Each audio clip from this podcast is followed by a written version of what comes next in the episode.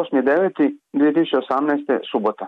Gotovo jednako pravilno kao godišnja doba ritam kroz godinu udaraju knjiženi festivali. Koliko god da su takvi susreti sami postali žan za sebe u onim sretnim trenucima kada se poklope ljudi, atmosfera i čudljiva komunikacijska zvježđa, na festivalima se oslobađa neka dobra i dobrodošla energija, nešto što barem neki od nas neće tako skoro zaboraviti. O tome razmišljam dok na posljednji dan ovogodišnjeg festivala svjetske književnosti pripremam dvostruki portret, moderaciju razgovora s meksičkim piscem Antonijom Ortunjom i našim Juricom Pavičićem. Romani su dobri, pisci pametni i razgovorljivi, ali ono što će dobiti publika u kinu Europa niti je na tom mjesta za knjige, niti njihov produžetak. Što je onda to? Pri bilo čega drugoga na pamet mi pada ovoljetni brod za Zlarin i spontano okupljen žičani trio koji uveseljava ekipu na gornjoj palubi. Radost ni iz čega. 9.9. nedjelja. Dan odmora. Tako se to kaže. Maziti mačku, prošetati s donatom, odgovoriti na mailove, otići u nabavu, skuhati ručak, javiti se mami, oprati robu, u red dovesti stan, koliko je to moguće pozatvarati dugove koji su se nakupili prošloga tjedna. Popodne mi dolaze Milan i Marko, na kratki izlet u taj moj život razvedenog samca u gradiću pokraj Zagreba. Pričamo o djeci, odgoju, braku, konzultiramo kalendare i pola sata bezuspješno gađamo vikend za obiteljsko okupljanje. Odrasli smo zajedno, a čini se da su nam odrasle i teme.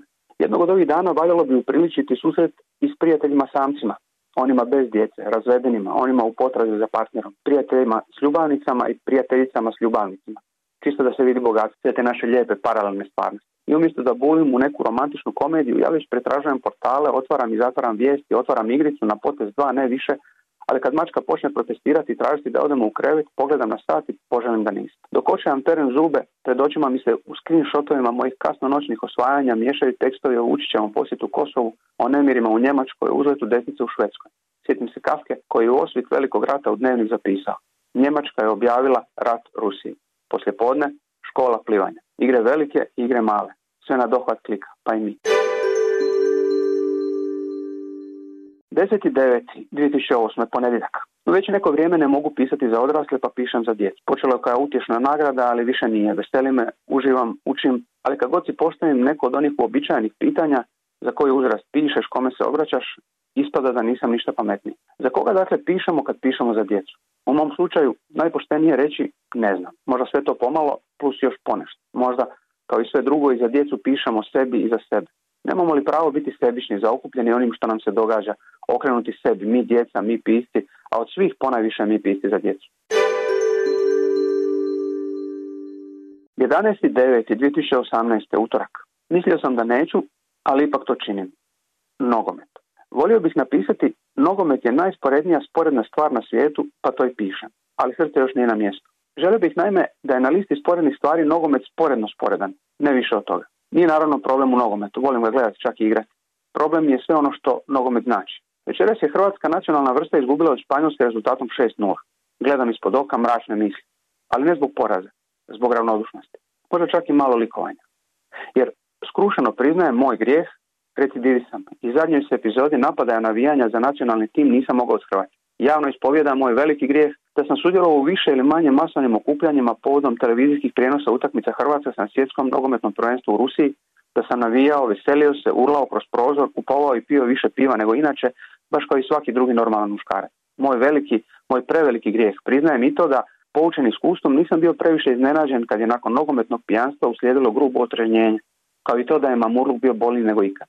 Možda je, kako kažu, stvar u godinama, a možda u konačnoj spoznaji da reprezentacija koja u svoj doček uključi Marka Pekovića Thompsona, igrači koji ga pozovu na pozornicu i trener koji zaključi da takav potez podržava 95% ljudi, a preostalih 5% neka se slobodno ljuti, nije ga briga, da svi oni jednostavno ne mogu biti moja reprezentacija. Gadan Mamurluk u kojem shvatiš da ta repka nije igrala za tebe, niti za zemlju u kojoj želiš živjeti, da nije igrala za zemlju u kojoj želiš zaživjeti tvoja djeca. Ukratko, da nogomet nije tvoj, da ti je bolje da se malo smiriš, liječiš i da daljnjeg abstiniraš.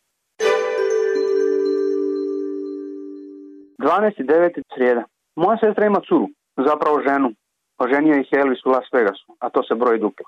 Žive u Berlinu. Kada se gleda odavde, Berlin je to neko stanjeno mjesto u kojem se stvari poput toga da cura živi s curom s kojom je u Vegasu oženio Elvis normalno. Zapravo mjesto u kojemu je normalna većina stvari, a ova konkretno nije ništa posebno, više neka malograđanska dosada. Nedostaje mi ta moja sestra. Svijet je mali, ali ne znam hoće li se ikad više vratiti, hoćemo li ikada živjeti u istoj zemlji. Hrvatska nije i nikada neće biti Berlin. Tu su njih dvije slične. I moja sestra naime nije baš luda za drastičnim promjenama. Kad o njoj razmišljam sebično, bilo bi dobro da je tu. Ne samo kao dio obitelji, nego i kao netko koga bih želio imati za susjeda, znanca, koga bih volio gledati na televiziji, presluškivati mu razgovore u kafiću ili u tramvaju. Duhovita je, pametna, dobra, hrabra. Blesava, svira gitaru, piše, igra čovječe, ne ljuti se, radi dobre ludosti. 13.9. četvrtak. Ljutika. Odakle ona? Nisam jeo danas, ni jučer, ni ove godine, nisam jeo prošle, a kad smo već kod toga gotovo sigurno ni pretprošle. Ali odjednom njezina kiselost i miris, njezina boja hrđe i truloga lista, tekstura kada je prstima vadiš iz kvasine i zagrizeš, ubacuju se tko zna od kuda i zauzimaju me na prepad. Misteri. Pravi puč. Odakle dolazi ta diverzantska ljutika? I zašto? Jedino što mogu smisliti moja je baka. Mrtva već pola godine, ona je bila jedina koju je kiselila, jedina koju je nudila i jedina kod koje sam je jeo, ili bolje nisam jeo.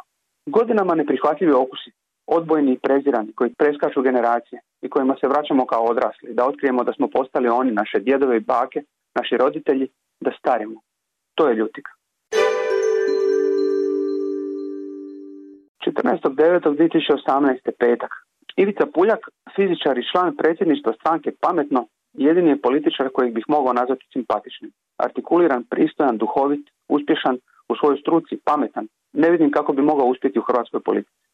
Ali zašto bi to i bilo najvažnije? Puljak je onako zna reći da na globalnoj razini živimo u najboljem dobu u povijesti ljudskog roda. Na svijetu nikada ne je bilo manje gladi, siromaštva, ratova i nepismenosti, a ljudi nikada nisu živjeli dulje, zdravije i sretnije. Pa zašto se onda uglavnom osjećamo tako ugroženo, tako bijesno, nezadovoljno, loš? Što je potrebno da nas učini sretnima? Je li rješenje u tome da razmišljamo globalno? Je li rješenje u braku, ljubavi, djeci, nogometu, Berlinu, školi plivanja, književnosti, kuhanju? Ima li rješenja? Što je sreća tebi?